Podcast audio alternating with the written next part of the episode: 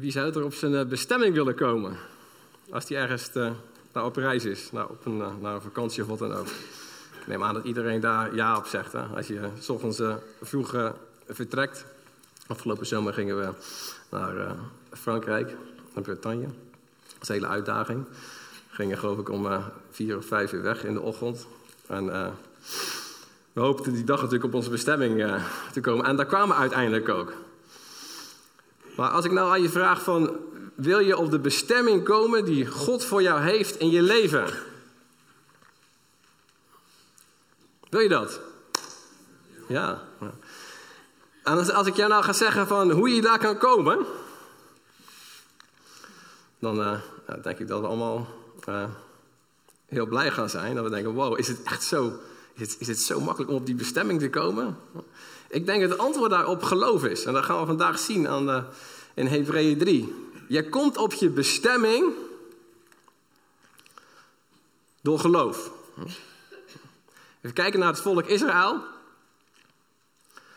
Ze gingen van, uh, uit Egypte gingen ze naar het uh, beloofde land, wat eigenlijk hun bestemming was. En uh, het moment dat ze daar aankwamen, weet je, een omweggetje.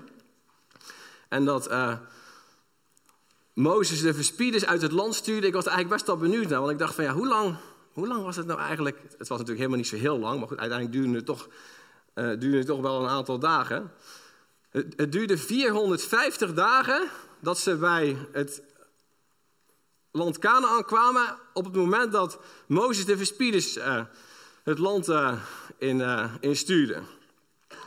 Dus normaliter stelt de verspieders terug waren gekomen na 40 dagen, 450 plus 40, dan 490 dagen.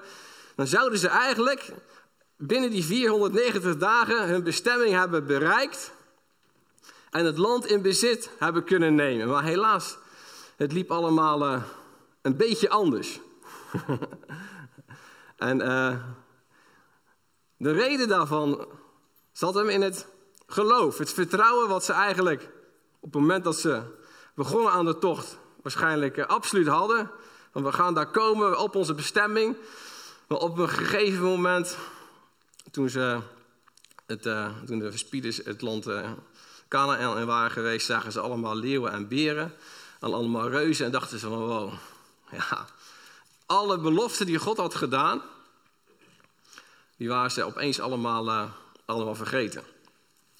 En het uh, bijzondere is eigenlijk wanneer de schrijver van de Hebreeënbrief duidelijk wil maken aan de Joden wat het geloof is, dan gaat hij terug naar die bijzondere periode in het leven van het volk Israël. En ik denk dat we daar enorm veel uit kunnen leren wat het geloof niet is, hoe het niet moet, en tegelijkertijd ook wat het geloof wel is.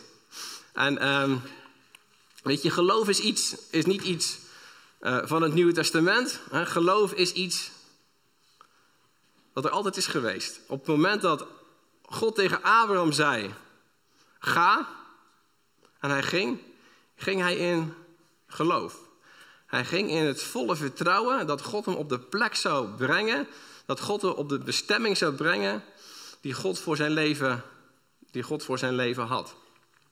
En uh, natuurlijk, het reddende geloof, dat je weet dat Jezus voor je zonde is gestorven, dat je een kind van God bent geworden, brengt je als het ware in dat beloofde land, waar God je wil zegenen. Maar vanaf dat moment ga je ook bewegen en ga je misschien stappen in geloof zetten, ga je dingen doen in geloof, dan ga je mooie dingen, ja, ga je denk ik hele mooie dingen zien in je leven. En dat is het leven van iedere dag. Moet je eigenlijk stappen zetten in geloof. Er gaat denk ik geen dag voorbij waarin je niet iets moet doen in geloof, in verwachting. Omdat je weet, ik weet niet wat voor consequenties hetgene heeft wat ik nu ga doen. En dat is eigenlijk het, uh, ja, denk ik het hele bijzondere wat, uh, ja, wat God denk ik ook ons, uh, ons wil leren deze, deze ochtend. Onder andere door een gedeelte uit, uit Hebreeën 3. We gaan het vandaag over geloof hebben. En ik, eh, ik geloof dat ons geloof eh, opgebouwd gaat worden door, door hetgeen wat we daarover gaan lezen. Want dat is uiteindelijk wat, ja, wat God ook echt wil. Hij wil dat ons geloof opgebouwd wordt. Hij wil dat ons geloof gesterkt wordt. Dat iedere stap die we in ons leven gaan nemen, dat we daar Hem in zullen vinden. Uh, ga naar de eerste slide toe. Let op Jezus Christus. Nou, je zou bijna zeggen van de, de schrijver gaat er wel heel erg met de gestrekt been in. Hij, gelijk tegen de Joden van, als je ergens op moet letten, let op Jezus Christus. Let niet op jezelf. Wees niet op jezelf gefocust. Maar we zien zometeen dat hij zegt, let op Jezus Christus. In het volgende vers we. Heilige broeders, deelgenoten aan de hemelse roeping, let op de apostel. Dus op Jezus, degene die gezonden werd, dat betekent apostel. En hoge priester van onze beleidenis, Christus Jezus. In het vorige hoofdstuk hebben we gelezen, de laatste twee versen, dat we mogen weten dat Jezus al onze zwakheden kent en dat Hij met ons meevoelt.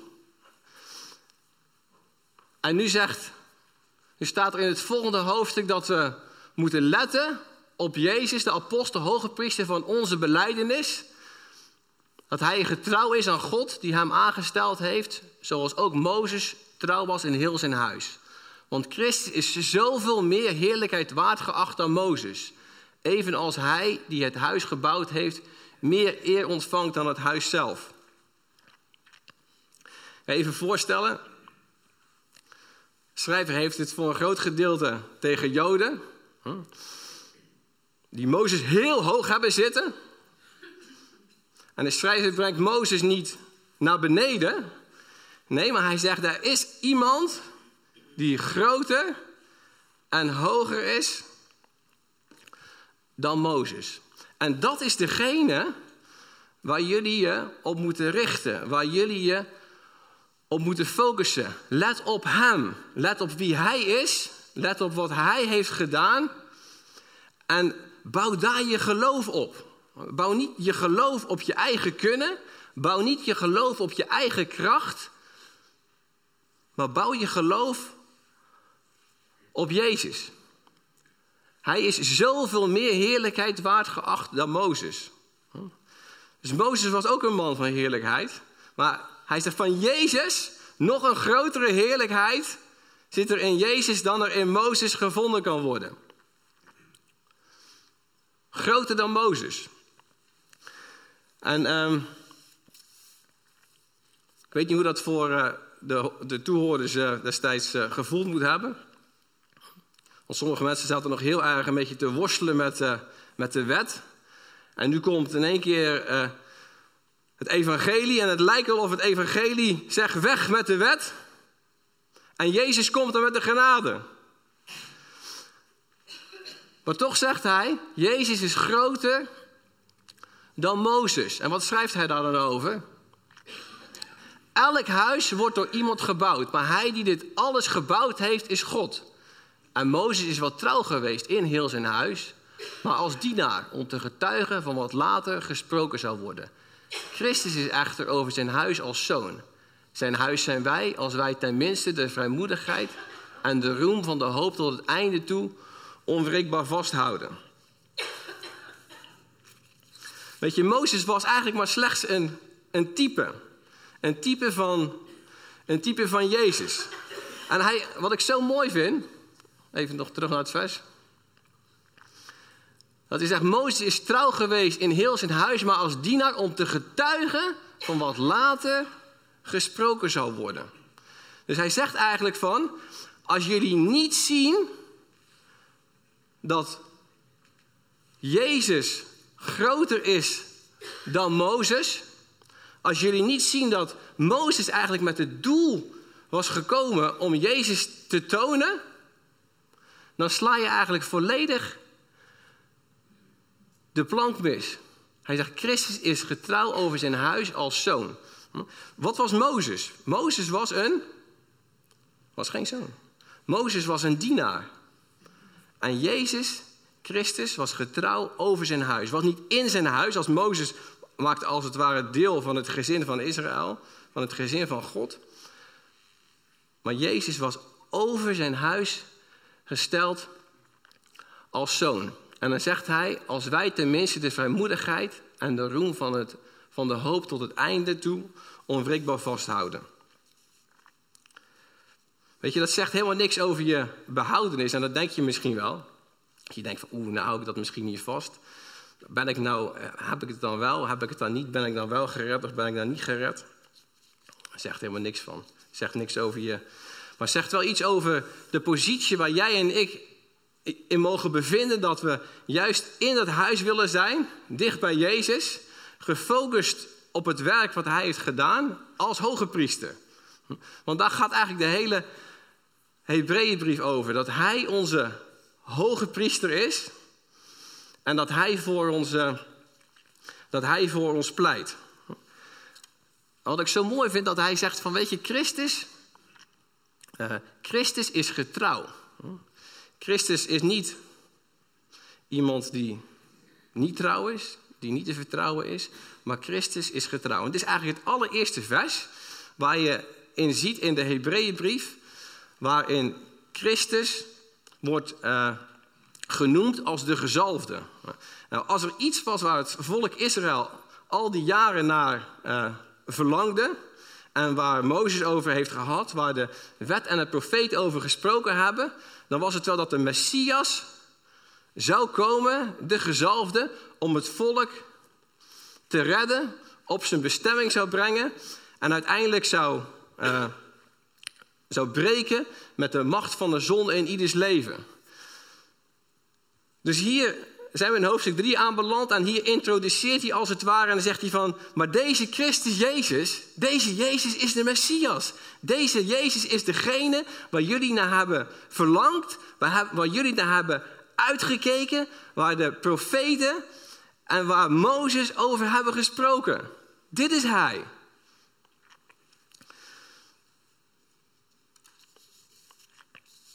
Maar het is eigenlijk best wel moeilijk als je naar jezelf gaat kijken, dan komen er misschien soms momenten van, van twijfel. Dat je, denkt, dat je twijfelt aan Gods liefde en Gods trouw voor jou. En daarom zegt hij eigenlijk, ga ik even weer terug naar het begin. Let op Jezus Christus, de apostel en de hoge priester. De apostel, degene die gezonde was. Hè? Dus niemand anders gezonde dan Jezus Christus. En de hoge priester. Degene die voor jou aan mij is gestorven, degene die voor jou aan mij heeft geleden. En bij het volk Israël had er soms een beetje moeite mee. Dus hun hartgesteldheid die ging eigenlijk behoorlijk op en neer. Als je kijkt naar uh, de tijd die ze in de, die ze in de woestijn uh, aan het ronddolen waren. Er waren momenten van uh, vertrouwen, maar waren ook momenten van enorme, ja, moet ik zeggen, onvrede. Ze zeiden van, God, het was toch veel beter in Egypte? Ja, daar waren we wel slaven. Maar ja, weet je, we hadden daar wel uh, best goed te eten eigenlijk. Uh, al hetgene waar ze eigenlijk op dat moment mee worstelden in het, in het, uh, in het land Egypte, waren ze min of meer een beetje vergeten. En ze zagen eigenlijk niet meer zo heel goed wat, het, wat hun bestemming was in het, in het, in het land in het land Canaan. En ze vonden het heel moeilijk om hun aan die belofte vast te houden. Dus toen ze eigenlijk vol moeilijkheden kwamen te staan, gingen ze een beetje terugkijken. En zeiden ze van ja, eigenlijk, ja, het was wel heel slecht in Egypte. Op een duur moesten daar stenen bakken zonder, eh, ja, moesten wel hooi blijven gebruiken. We moesten het zelf gaan zoeken. En het was allemaal best wel moeilijk. Maar op het moment dat ze in één keer in de moeilijkheden kwamen, waren ze het eigenlijk allemaal vergeten. En, en, en uh, hadden ze zoiets van, uh, ja, het was eigenlijk nog helemaal niet zo, uh, niet zo slecht. Mozes, God, waarom heeft u Mozes überhaupt gebruikt om ons te brengen naar het land Canaan? Er komen zoveel leeuwen en beren op ons pad. Het eten is hartstikke saai, iedere dag manna en iedere dag van die kwakkels. op het moment dat ze eigenlijk hun bestemming, wat God voor hun in petto had, uit het oog aan het verliezen waren, werden ze, gingen ze zich weer focussen op het moment zelf. En ik denk dat daar ook een hele mooie les voor, voor jou en mij in zit. God heeft een plan met jouw leven. En hij is dat plan gewoon heerlijk aan het uitwerken. En wij mogen daar gewoon lekker in gaan staan, in geloof. De ene keer zullen we daar eh, veel geloof en veel vertrouwen in hebben. En de andere keer dan zijn we weer iets meer gefocust op de, op de omstandigheden. En dan zien we juist weer de onmogelijkheden. Maar wat moeten we dan doen? Naar de onmogelijkheden blijven kijken. Wist de onmogelijkheden, de, dingen die voor ons gevoel onmogelijk zijn. Of zeggen we van nee, even let op Jezus. Want Jezus wil jou op jouw bestemming brengen. Zoals hij het volk Israël op hun bestemming wilde brengen, wil hij jou op jouw bestemming brengen, waar jij een leven zal leven van zegen, van voorspoed, van overvloed, een leven van geborgenheid. Dat is hetgene wat God aan het volk Israël wilde geven. En zo meteen komen we bij het punt wat eigenlijk ontzettend pijnlijk is. Want waarom zijn al die mensen die uit Israël zijn gegaan, uit Egypte zijn gegaan, voor een groot gedeelte, hebben ze nooit die bestemming bereikt die God eigenlijk wel voor hun in petto had. Ik wil iets zeggen over de conditie van je hart in, uh, in, in vers 7. Daarom zoals de Heilige Geest zegt, heden indien u zijn stem hoort, verhard dan uw hart niet. En dat, dat zegt hij tegen degene natuurlijk aan wie dit brief is geschreven. Maar het is een gedeelte onderuit, onder andere uit Psalm 95. Maar het, is, het verwijst terug naar het moment dat het volk Israël het beloofde land moest gaan innemen. En dan zien we eigenlijk wat ze op dat moment deden. Indien u zijn stem hoort, verhard dan uw hart niet, zoals bij de verbittering op de dag van de verzoeking in de woestijn. Daar hebben uw vader en mij verzocht. Ze hebben mij op de proef gesteld en mijn werken gezien 40 jaar. Zo, dit, dit, dit, klinkt, dit klinkt wel een beetje alsof God behoorlijk eh, teleurgesteld is. dat hij denkt van, wow, ik heb je zoveel laten zien. Uh, en, en uiteindelijk heb je me toch verzocht. Heb je me eigenlijk niet geloofd? Je hebt me niet geloofd op mijn woord dat ik jou zou brengen op de plek die ik had gezegd. En dit gebruikt hij allemaal als een soort van opstapje om uiteindelijk zometeen Jezus als redder en verlosser te introduceren. Maar hij zegt de conditie van hun hart was op dat moment behoorlijk, uh, ja, niet echt heel erg, erg goed. De, de, verspieders waren het land in geweest, twaalf man, veertig dagen komen ze terug. Na veertig dagen en dan zijn er tien zijn super negatief en twee zijn laaiend enthousiast.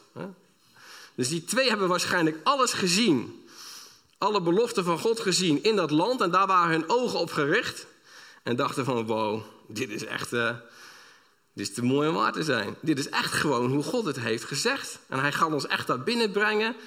En uh, het is inderdaad een land van overvloed, uh, van zegen. En wow, we verlangen erna om daar in dat land te wonen. Maar er waren nog tien andere verspieders. Die dachten er ietsje anders over. En die dachten van, wow, die steden, jongen, die hebben dikke muren. Zo, daar kom je echt niet zomaar in hoor. Ik weet niet hoeveel energie en kracht dat gaat kosten en hoeveel mensenlevens misschien. En uh, die reuzen, jongen, jongen, jongen, ja, ik heb geen idee ja, hoe God dat gaat, hoe wij dat moeten opknappen. Waarschijnlijk waren ze God al lang vergeten. Ze zeiden waarschijnlijk helemaal niet van uh, hoe God dat gaat opknappen. Ze waren juist gefocust op het feit van dat zij als het ware met, in hun eigen kracht het land in bezit zouden nemen. Terwijl de God had gezegd, ik ga jou gewoon het land geven. Ga me niet moeilijk over doen. Ik ga je gewoon het land binnen, binnenbrengen. Ik ga jou het land geven en ik ga jou helpen met de gevechten die je, die je daar gaat voeren. Maar uh, was eventjes anders. En uiteindelijk, toen die tien verspieders terug waren gekomen, werden heel veel mensen verbitterd. Ze hielden zich niet vast aan het woord van God, dat ze de zegen van het land zouden ontvangen, maar ze, ze zagen eigenlijk de onmogelijkheden en ze waren hun geloof in God helemaal kwijtgeraakt. En um, dat is misschien ook wel uh, het typische. Want, want, als je nou kijkt naar. Um, zullen ze Gods. Um, uh, Gods plan begrepen hebben? Zullen ze op een of andere manier Gods intenties begrepen hebben? De intenties die zij waarschijnlijk dachten dat God uh, had met hun, volgens die tien verspieders, dat ze in de pan gehakt zouden worden door die grote reuzen. en dan zegt God van, maar moet je kijken, ik heb je gebracht uit het land Egypte. Je bent op een extreme manier bij je bevrijd. En nu denk je echt dat ik jou gewoon kapot laat gaan? Dat ik je gewoon laat sterven? Dat ik je laat afslachten door, door, door, die, door die reuzen daar? Natuurlijk niet. Maar helaas waren we het grootste gedeelte van het volk. En die gingen eigenlijk ja, toch een beetje, beetje veel de negativiteit uh, als het ware in. En ik denk, weet je, wij mogen ons altijd vasthouden aan de belofte van God. En de belofte van God, dat zijn geen werken waar wij ons best voor moeten doen om die te ontvangen. Want dat, dat dachten uiteindelijk die tien verspieders. Die dachten van nu moeten we het land in bezit gaan nemen op eigen kracht. En dat gaan we nooit redden. Dus op eigen kracht de zegen ontvangen, dat gaat ook niet lukken.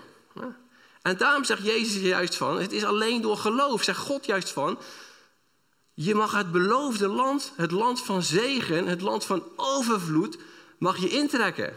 Je mag het gewoon in bezit nemen. En ik ga jou voor, ik ga voor jou strijden. En dat is zo'n andere mindset die de twee verspieders en de tien verspieders als het ware hadden. Want Gods intentie was om hun te brengen in een land van zegen, in een land van overvloed. En dat is Gods intentie door Jezus met jou en mijn leven. Om jou te brengen op jouw bestemming. In een land van overvloed. In een land van voorspoed. In een land van zegen. Niet een land van onderdrukking. Niet een land waar je moet vechten tegen leeuwen en tegen beren. Niet een land waar je moet vechten tegen situaties dat je denkt van, oh, ik kom er niet uit. En, nee, het is juist denk ik op die momenten waarin we daar juist mee strijden, dat we juist moeten zeggen, wow, als ik denk dat het allemaal van mezelf af, afhangt, als ik denk dat ik al die zegen pas kan ontvangen wanneer ik daar keihard voor strijd, dat we dan juist moeten zeggen van, ho, ho, ho wacht even, dat, dat gaat niet goed. Ik moet denk ik iets meer rusten. Ik moet het niet van mezelf verwachten, ik moet het juist van God verwachten. Want Jezus heeft me al die zegen al gegeven door hetgeen wat hij heeft gedaan. Amen. Conditie van je hart. Maar het geloof brengt jou en mij juist rust. Lezen we eigenlijk het volgende vers. Het geloof, als zij in geloof het land waren binnengetrokken, hadden ze gewoon simpelweg door geloof in de rust kunnen komen.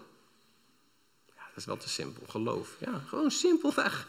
Door het geloof en het vertrouwen op God te stellen, hadden ze het land zo in bezit kunnen nemen en had het van hun geweest.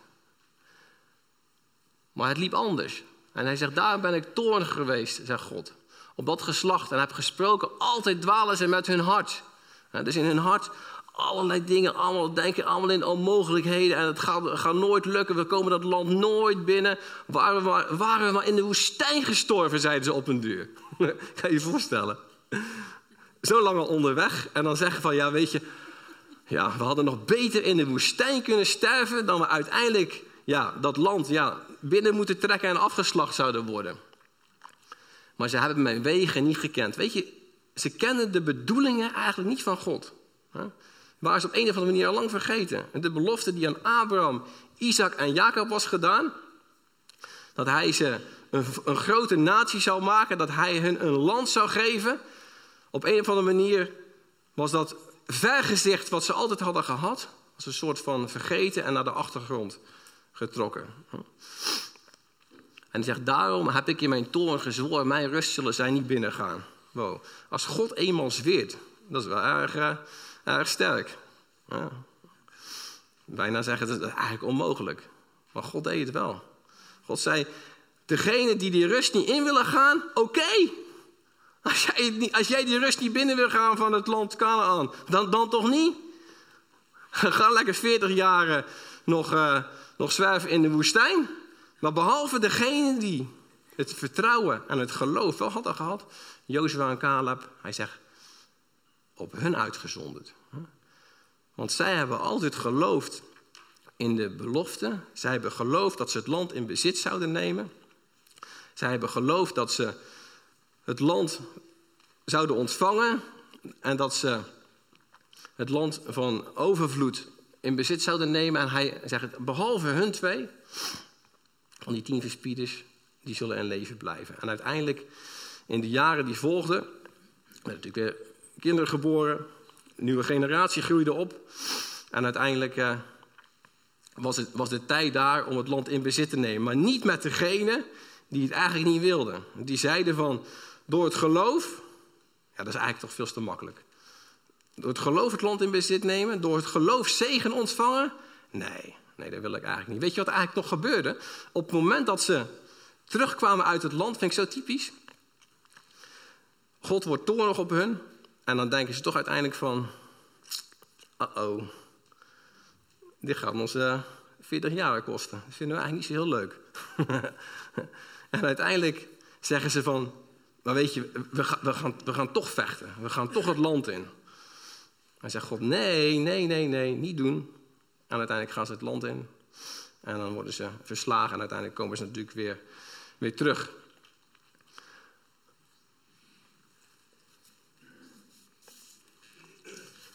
Maar het geloof had ze eigenlijk in de, in de rust moeten brengen. Het was Gods bedoeling nooit geweest dat ze 40 jaar in de woestijn zouden dwalen. Uh, en niet op hun bestemming zouden komen, die generatie.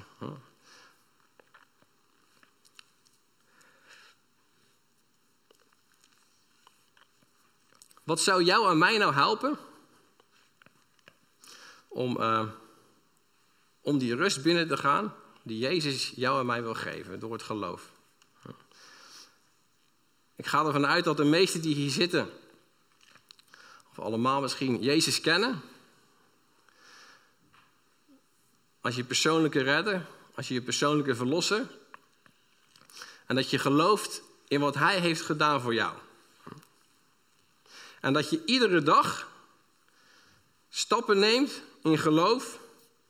Soms misschien geen stappen neemt in ongeloof. Dus eigenlijk blijft stilstaan. Want de Bijbel zegt van je, je, je wandelt in het geloof. Je, wandelt uh, niet door aanschouwen, niet doordat je iets ziet. Maar wandelen, leven doe je eigenlijk in geloof.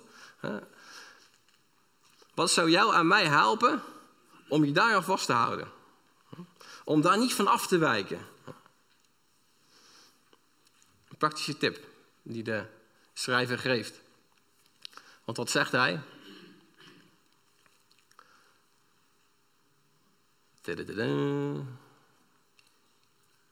Moedig elkaar aan. Wow. We gaan elkaar aanmoedigen. We gaan elkaar aanvuren om in het geloof te blijven. Om niet de moed te laten zakken wanneer er dingen gebeuren. Maar juist andere mensen te helpen in tijden dat het even moeilijk is. Van hé, hey, let op, Jezus.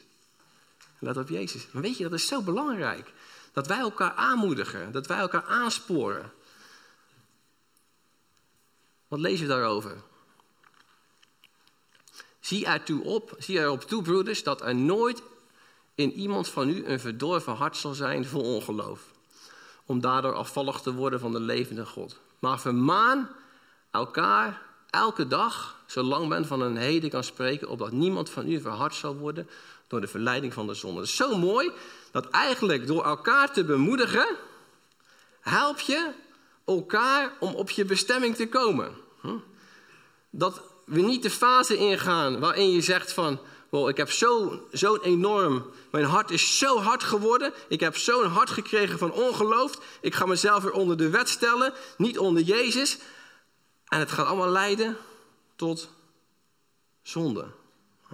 Het is juist wanneer we elkaar, zeg maar, aanmoedigen en elkaar juist op Jezus wijzen, dat we een stukje genade brengen in het leven van die ander.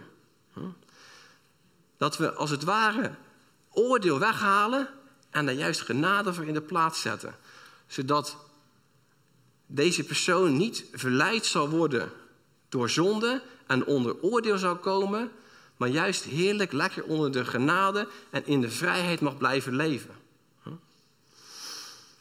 Dat is denk ik een hele mooie, ja, een hele mooie les voor ons allemaal. En dat we elkaar daar gewoon heerlijk lekker in mogen bemoedigen. En lekker in mogen aansporen. Want soms gebeuren er gewoon dingen die niet fijn zijn. Soms heb je wel eens dagen dat je niet lekker in je vel zit. Soms gebeuren er wel eens dingen dat je een reus tegenkomt. Zoals die verspieders. In je werk, in je relaties, in je huwelijk, met je kinderen, whatever it may be. En dat je denkt van, oh my. Ongeloof, ongeloof sluipt langzaam in je hart. En dan is het toch heerlijk dat er een broeder of zuster, dat er een vriend of vriendin van je uit de gemeente zegt van, maar weet je, weet je, Jezus gaat het helemaal, Jezus heeft het helemaal voor je opgelost. We gaan helemaal niet kijken naar je probleem. We gaan kijken dat Jezus de oplossing al heeft gegeven. En daarmee moedig je juist iemand aan om niet bij de pakken te gaan neer te zitten en niet het van zichzelf te verwachten, maar juist helemaal te verwachten van Jezus en te staan op zijn belofte. En niet te twijfelen aan zijn intenties. Niet te twijfelen aan zijn intenties. Want er is geen reden om een ongeloof te vallen, zegt de schrijver. Want je staat op vaste grond. Wij hoeven niet in ongeloof te vallen, want wij staan op vaste grond. Op Jezus Christus. Hij is het fundament.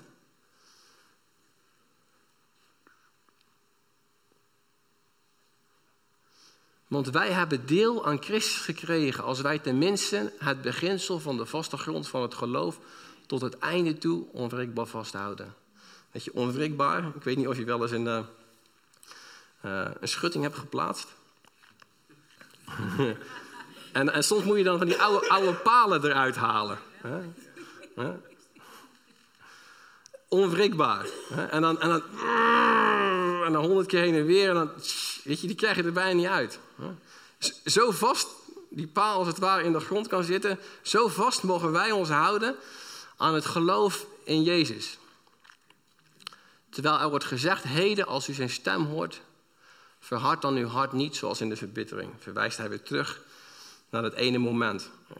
Kan je, kan je nagaan hoe dat voor de voor volgende generaties is geweest van het land, uh, van het volk Israël? Uiteindelijk een nieuwe generatie die het land in bezit nam en die misschien hebben gedacht van, wauw, ik had hier gewoon al 40 jaar kunnen, ik had hier gewoon al 40 jaar kunnen leven, man, in, de, in, in, de, in dit land. En we zien gewoon zo dat God zich aan zijn belofte houdt. God ons de overwinning heeft gegeven. God zijn kracht heeft laten zien en God uiteindelijk in alles heeft voorzien. En dat het land nog een land was met meer zegen dan uiteindelijk hun voorouders misschien hadden verteld.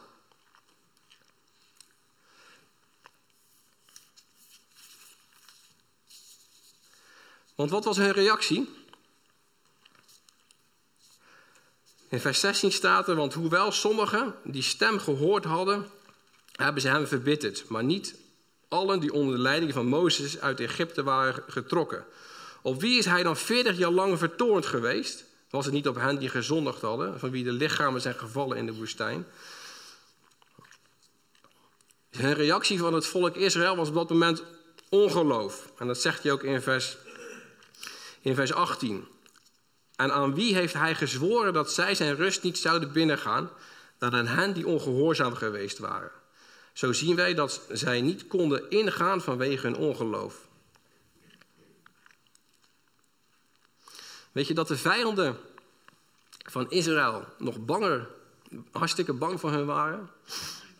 De vijanden van Israël hadden nog meer geloof in, in God dan uiteindelijk, dan uiteindelijk het volk zelf.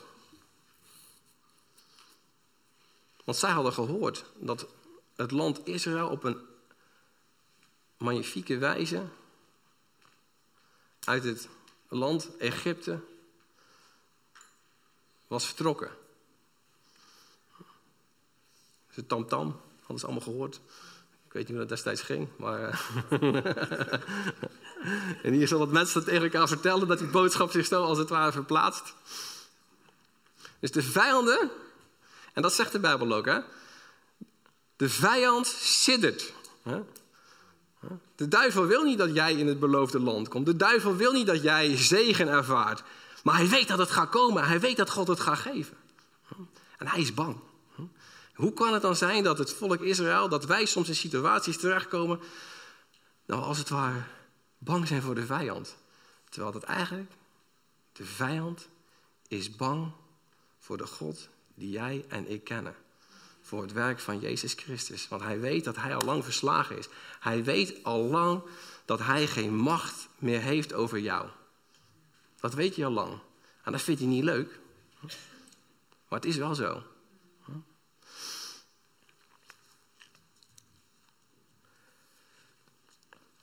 Jezus heeft uiteindelijk alles gedaan om jou een, eh, een hoopvolle toekomst te geven. Hoe maak jij je dit nou eigen? Hoe ga jij dit nou ontvangen?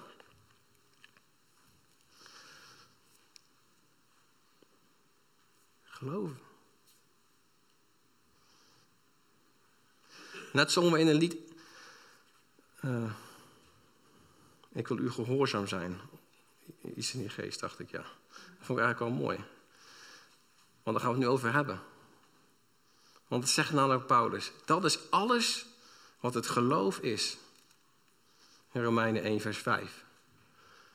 Hij, door wie wij genade aan het apostelschap ontvangen hebben om gehoorzaamheid van het geloof te bewerken voor zijn naam onder de heidenen. Dus niet een gehoorzaamheid van werken, maar een geloofsgehoorzaamheid. Gehoorzamen door te gaan geloven in het werk van Jezus. En als jij gelooft wat Jezus voor jou heeft gedaan, dat het voor jou is, heel persoonlijk, dan gaat dat geloof gaat jou op jouw bestemming brengen. Gaat jou brengen in een land van zegen. Gaat jou brengen in een land van voorspoed.